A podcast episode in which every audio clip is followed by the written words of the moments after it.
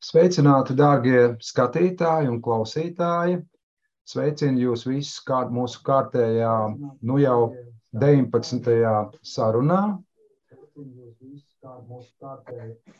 Un šodien atkal, protams, sveicinu mūsu vidū Valdemāru. Sveicināts, Valdemāru!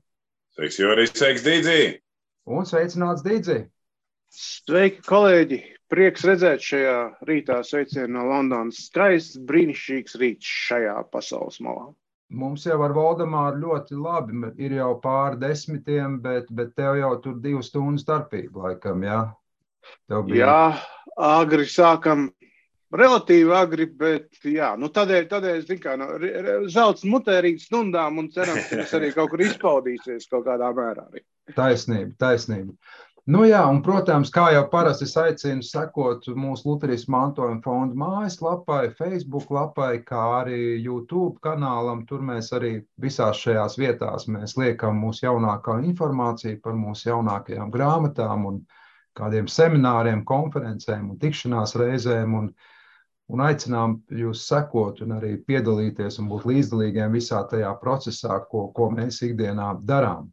Un šodien es lieki nekavēšos, mēs runāsim par šo grāmatiņu, kas ir Lūkas evaņģēlijs, Artūrs Džasts ir autors.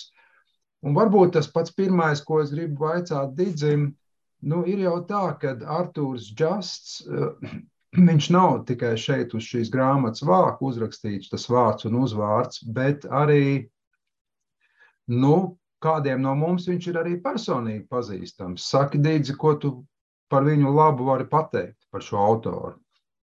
Nu, pašā sākumā tikai labu, tikai labu. Jā, man bija tā varbūt tiešām tāda nu, salīdzinoši liela privilēģija viņu iepazīt uh, krietni tuvāk, tādā ziņā, ka viņš man bija uh, doktora disertācijas uh, vadītājs.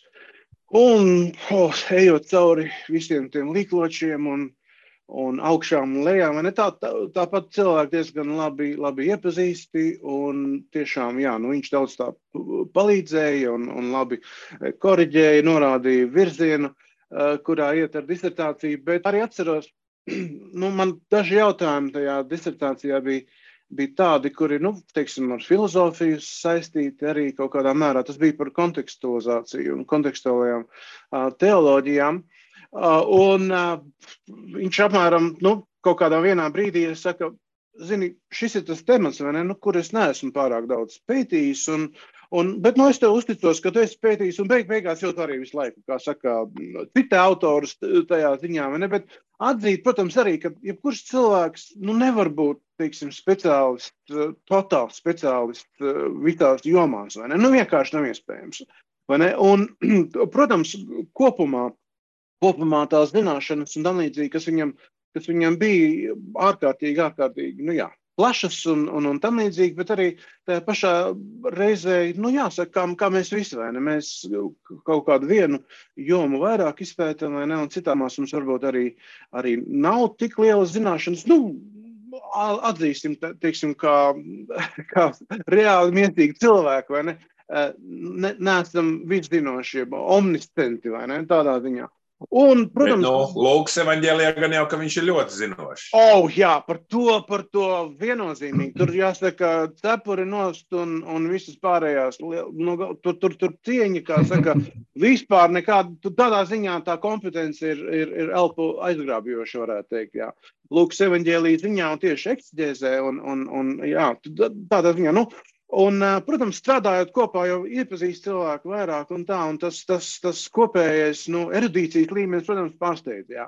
Un arī nu, tādā cilvēciski ziņā, teiksim, laipnība un sapratne. Es atceros, dažreiz, dažreiz bija tā, ka um, nu, viņš man, kaut ko uzrakstu, piemēram, nodod viņam uh, lasīšanai.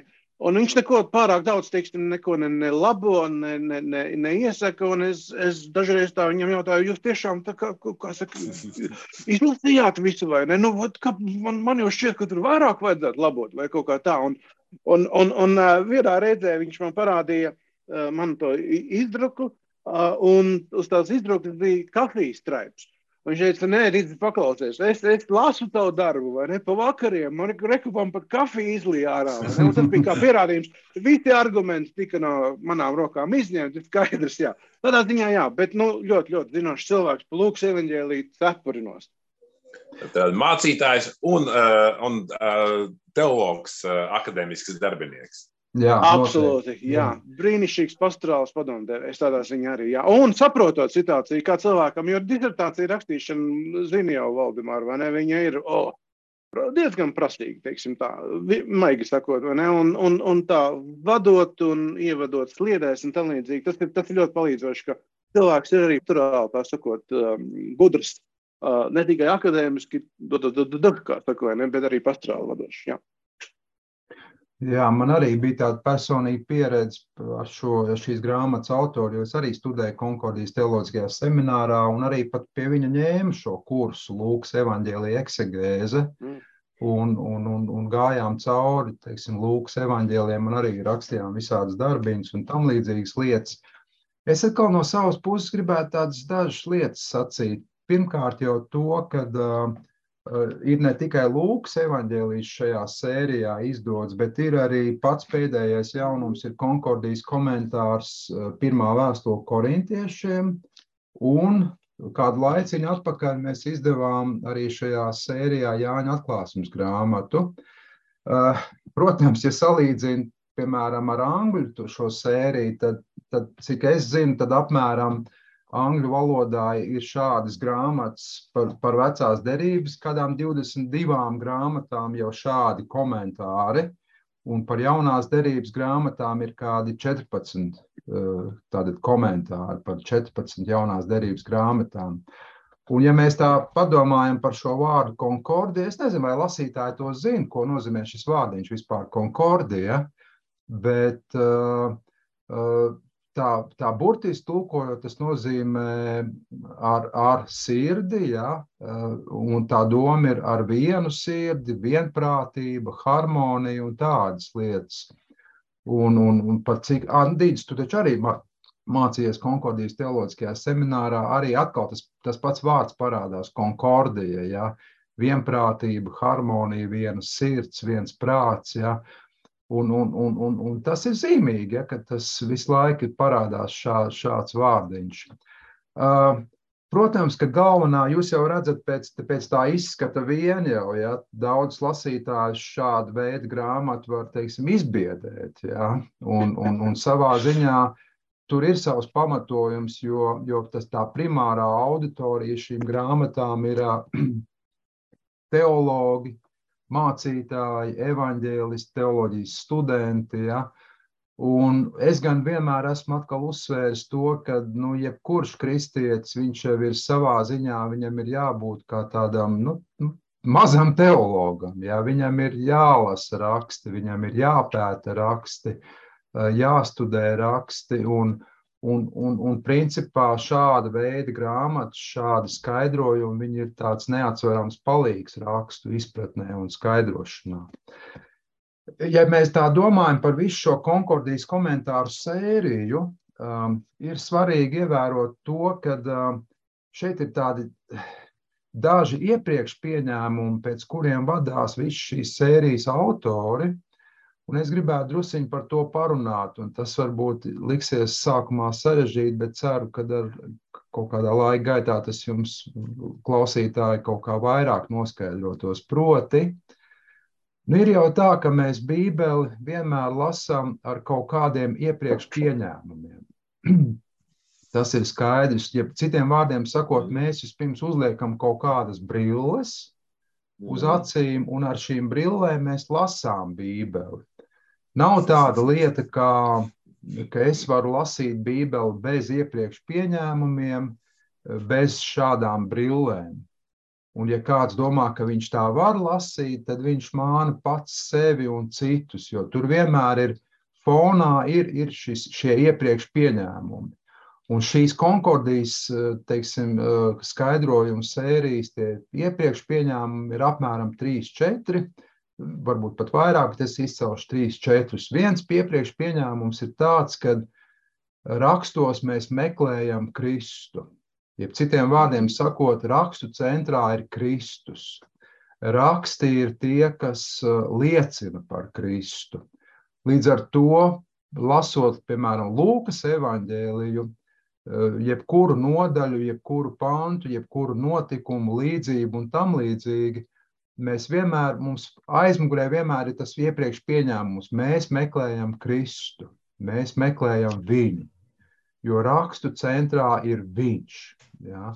Un tas ir ļoti svarīgi, jo, piemēram, var jau cilvēks lasīt Bībeli ar pilnīgi citu iepriekš pieņēmumu. Nu, pieņemsim, nu, ja cilvēkam ir priekšstats par to, ka Bībele ir tāda morāles grāmata, nu, ka centrā ir morāla laba morāla, kristīgā mm. morāla, pārāka par visām citām morālēm, e, tad viņš arī attiecīgi lasīs Bībeli. Un arī mm. Lūks evanģēlīja viņš lasīs kā morāls rokas grāmatu, ko es drīkstu darīt, ko es nedrīkstu darīt, kur man ir jāpapūlās, kur, es, mm. ko, kur man ir vēl jāpieliek kāds spēks un tam līdzīgi. Ja?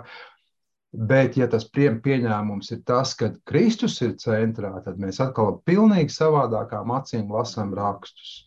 Otrs iepriekš pieņēmums, kad rakstos ir gan, un tas ir ļoti specifiski luterāņu tāda lieta, rakstos ir gan bauslība, gan evaņģēlijas, un tā izpratne par to, ar ko atšķirās bauslība no evaņģēlija, un tajā pašā laikā kādas ir kopsakrības ar bauslību un evaņģēliju, ir tas, kas ir kā tāda, tā kā tāda atslēdziņa, kas palīdz vispār saprast, kas ir, kāds ir Dieva pestīšanas plāns mm -hmm. rakstos. Jo bez šīs atslēdziņas brīžiem nevar saprast, kas te īsti notiek. Mm -hmm. Mēs kāpjam debesīs, mums kaut kas tur jādara, lai tiktu debesīs, jo ir kaut kādas rakstu vietas, kuras par to tā runā, Ja? Jā, jā. No otras puses, atkal, it kā nē, tā kā Kristus nokāpa pie mums uz zemes un visu izdara mūsu vietā, arī par to raksti runā, kā tur īsti ir. Un tā bauslības un evaņģēlijas tāda atslēdziņa ir tā, kas palīdz šos rakstus atslēgt vaļā un saprast šo dievu pestīšanas plānu. Un trešā pēdējā lieta, ko es tā gribu īpaši arī izcelt, pēc kā ir vadījušies šīs sērijas autoru, kas ir tas iepriekš pieņēmums, nu, ka Bībele tas jau raksta, tie nav cilvēku vārdi. Mm. Tie ir dievu vārdi. Mm. Nu, dažkārt es tagad, protams, negribu iedziļināties, un arī neesmu tik kompetents runāt par tā saucamo verbālās inspirācijas teoriju, kad, ka visi dievu vārdi ir iedvesti.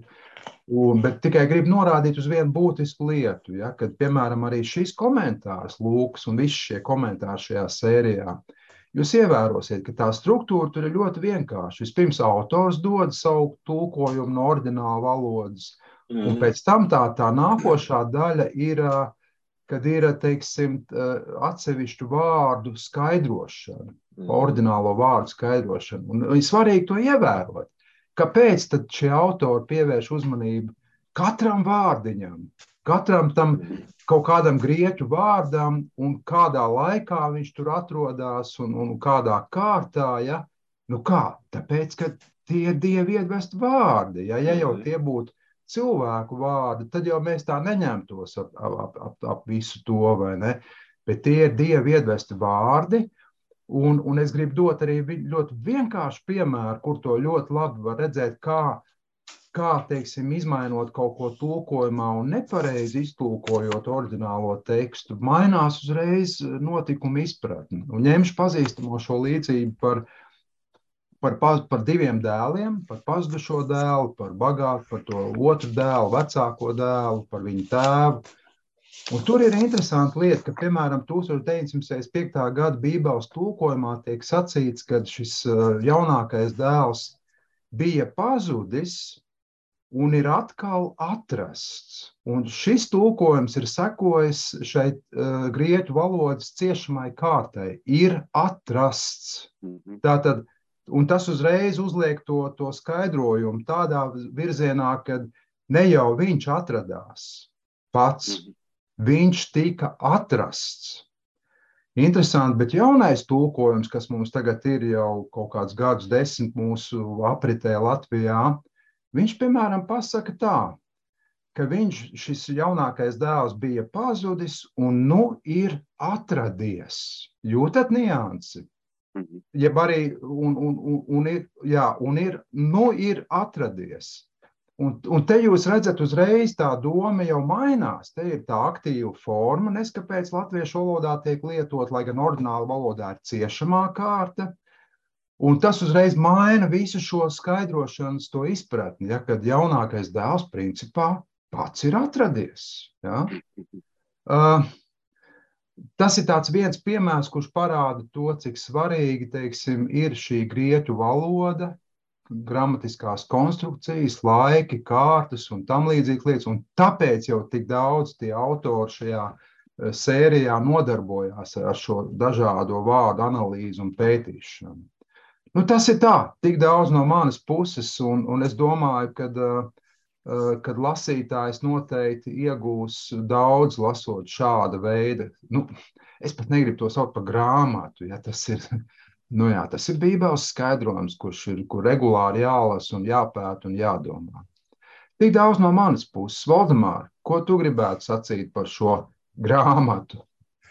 Paldies tev. Man, manuprāt, eh, tagad um, klausītājiem un skatītājiem ir nedaudz vairāk ieskats, ieskats par to grāmatu, bet kas ir visinteresantākais? Man liekas, mūsu sarunā arī tas tā izgaismojas, ka šī ir grāmata, kas rāda ne tik daudz pati uz sevi, kā grāmata, bet viņa kā grāmata rāda uz rakstiem, uh, uz rakstiem, kuri mums ir svarīgi. Un, tāpēc arī, kad mēs tā, jau gatavojamies šim raidījumam, mēs tā runājam par pašu grāmatu, protams, ir ko pasakīt. Bet tas būtiskākais, ko, mums, ko mēs gribam un mēs varam skatīt, ir, ir, ir tieši tas, ka tā grāmata runā par rakstiem. Un raksti ir tie, kas atkal jā, pie, tam visam piedod kaut kādu tādu pilnīgi citu svaru, pilnīgi citu elpu. Es gribēju vēl piebilst, redz, senāk latviešu valodas tulkojumos bija tā, tā nianse, ka uh, rakstīja Bībele pirms un pēc Jēzus Kristus dzimšanas uh, pierakstīts svētie raksti. Tad jau pašā nosaukumā parādīts tas, ka ir šie te, uh, nu, rāmi, ne, ka, uz kurien viņi iet. Un, un, un, man liekas, eh, ja mēs tā godprātīgi skatāmies visā baznīcas vēsturē, tad tas ir tas, kas baznīca atšķir no jebkuras citas organizācijas vai no filozofijas, ka mēs rakstus lasām kā Kristus vēst, pasludinājumu par Kristu no pirmās lapas puses līdz pat pēdējai. Un šī kontekstā tiešām uh, komentārs, šis komentārs, man liekas, ir nenovērtējams, svarīgs un uh, uzticams rakstiem. Jā, Taisnība. Un ir arī viena tāda interesanta lieta, ko es arī gribu parādīt ekrānā um, par, par, par šo grāmatu, kad tāds palīgs, jūs redzat, es ceru, visi tagad šo attēlu, ja? Uh, tāds palīgs šī vis, vis šīs sērijas, tādā skaidrojuma sērijā, ir tā lapušu malās ir tādi attēli ievietoti, kas attiecīgi Eh, nu, teiksim, palīdz saprast lasītājam, par kādu tēmu tagad autors runā. Ja, jūs redzat, te ir dažādas tās tēmas, kas tiek izceltas - trīsvienība, templis, inkarnācija, eh, ciešanas, izpirkuma upuris, kristoloģija, baznīca, dievkalpojums, grēks, attaisnošana, eskatoloģija. Ja. Tātad tas arī ir tāds, nu, kas ir tāds pluss šim šāda veida teiksim, izdevumiem, ir tas, ka um, nu, ir šie palīgi līdzekļi, ja, ka mēs varam, teiksim, lasot jau viegli, ah, tagad autors par to runā, tagad par to, tagad par to, un, un tas palīdz tā tematiski domāt un lasīt un iet cauri visai šai grāmatai. Jā, varbūt vēl kādas piebildes no jūsu pusēm. Es gribēju varbūt piebilst, ka nu, iepriekš tika minēts, vai ne, ka nu, mēs kaut kur, kaut kādā mērā visi esam teologi, un man šeit šo domu mazliet derētu attīstīt tādā ziņā, ka īstenībā jau ik viens cilvēks, kurš kaut tikai piemin vārdu Dievs, ir teologs. Tas tas, ko teoloģija īstenībā nozīmē. Runa, uh, saruna varētu teikt. Nu, varētu teikt arī, protams, zinātnē, jau specifiskāk runājot, bet uh, saruna par Dievu. Tā kā ja mīļajiem klausītājiem. Ir vajadzētu, jā, bet minējiem klausītājiem un skatītājiem, kas šodien mums seko vai pēc tam skatīsies, ierakstā jūs jau esat teologi. Tādā ziņā, ka jūs jau interesēties par Dievu, jūs jau, jau, jau runājat par Dievu, vai ne? Un, un to tādā ziņā teologi esat, jā. Un es domāju, ļoti daudz domas te labi izskanēja arī saistībā ar Dieva vārda nozīmi un interpretāciju, un ko Juris arī pareizi minēja par bauslību un evaņģēliju. Man šķiet, tas uzskatāmākais, kādas parādās, ir, nu kā, nu, lasi Bībeli vienā vietā, redzi, uh, Dievs dusmīgs. Ok, par grēkiem. Nu, skaidrs. Ok, tik tālu skaidrs. Ja? Lasi citā vietā. Nu, Dievs nav sūtījis savu dēlu, lai pasauli tik caur viņu tiesātu, bet glābtu. Hmm. Ko nu tagad darīt? Nu, no vienas puses, tā kā liekas, nu, divas pilnīgi pretējas mācības šķiet, vai ne? Un uh, tā arī ir. Divas pilnīgi pretējas mācības, un tas, tas man šķiet arī luterisma principā lielais iegūms uh, vispār teoloģiskajā uh, redzējumā ir tas, ka mēs nemēģinām nevienu ne otru, tā sakot, kaut kādā mērā izcināt vai atcelt, paturam abas un ļaujam viņam, viņām mūsu dzīvē darboties. Un tas ir ārkārtīgi. Varētu teikt, ka bauslība un evaņģēlijas nav tikai konceptuāli kaut kā tāda kā, nu, doma, mm. ak, tā mums, bet tā mēs dzīvojam ar to. Mēs visu laiku dzīvojam tajā, vai ne? Kad grēkojam bauslība, kad esam izmisuši pa grēku evaņģēlijas, visā tajā mm. dinamikā mēs dzīvojam, tā ir dzīva grāmata. Un es domāju, tādā ziņā tas Lūks evaņģēlijas arī to labi. Labi akcentē un parāda dzīvu grāmatu. Viņa, viņa, viņa pa dzīvi runā, tā sakot, pa dzīvi. Nevis tikai teorija kaut kādā mērā, bet mēs dzīvojam viņā. Mēs Man... iepriekš runājām par, Jā. Eh, par, par Heidelbergas diskusiju, par krustu teoloģiju vairākas reizes, pat vesels divas. Un es domāju, tieši tas ir Lutheriskās teoloģijas lielais pienesums. Kā, kā tu pilnīgi pareizi saki, ka mēs nevis izvairamies vai mēs aiz uh, kaut ko paslaukam zem tepiķīša no tā, kas nesaskan kopā, bet mēs abas šīs lietas saglabājam dinamikā tādā miedarbībā. Un tas, manuprāt, ir e, izšķiroši svarīgs pienesums tieši reformācijai. Lai gan tas, nebija, tas jau nebija tā, ka reformācija to būtu atklājusi. Tas jau e, to uh, bibliskie teologi ar vienu ir darījuši, un ka Šluters to tā pateica. Jā. Man, man radās, kungi, viens tāds, nu, tāds triki jautājums, question, kā latvieši saka, ja, kad uh, Dažkārt ir, teiksim, nu, mums jau sabiedrībā ir dažādi kristiešu novirzieni, ja, un viens ir tāds vairāk tāds, nu, kas saka apmēram tā, nu, ko jūs tur ņematies ar tiem komentāriem, ar tiem eksegētiskiem materiāliem. Ņemam bībeli un lasām tikai bībeli. Un tas taču ir Dieva vārds, un, un tas mūs visus uzrunās tā kā vajag. Kā jūs atbildētu uz teiksim, šādu teiksim, domāšanas veidu? Jo, jo, jo es personīgi esmu vairāk kārtīgi sastapies ar šādiem cilvēkiem, kas saka, nu, Jūri, nu, klausies, nu, ko tu ņemies ar šitiem milzīgajiem komentāriem? Nu, lasa Bībeli, pietiks ar to visu. Kā jūs, kā jūs uz to reaģētu? Es parasti tomēr tas pirmais mans pretjautājums ir, pagaidi, pagaidi. Bībelē tu uzrakstīji te Nu, tad pirmā lieta, cilvēkam godīgi saka, nu, nu, nu tā kā ka nē. Ne? Tad tālākais jautājums ir, vai tas ir šodien rakstīts šeit? Nu, arī nē. Tad, tas ir dokuments, kas ir tapis eh, vairāk kā 1500 eh, gadu ilgā laika posmā, no mums atšķirīgā geogrāfiskā, bet arī sociāla, ekonomiskā un vēsturiskā situācijā. Un tāpēc, teiksim, es domāju, eh, es struktūrēju divkārt, divos eh, blokos atbildi. Protams, pamatlietās Bībele ir skaidra septiņgadīgam bērnam, kas, kurš viņu lasa, tā sakot, eh, pirmo reizi mūžā, kā Dievs ir viens un ka Kristus ir mūsu pestīšana un cita nav.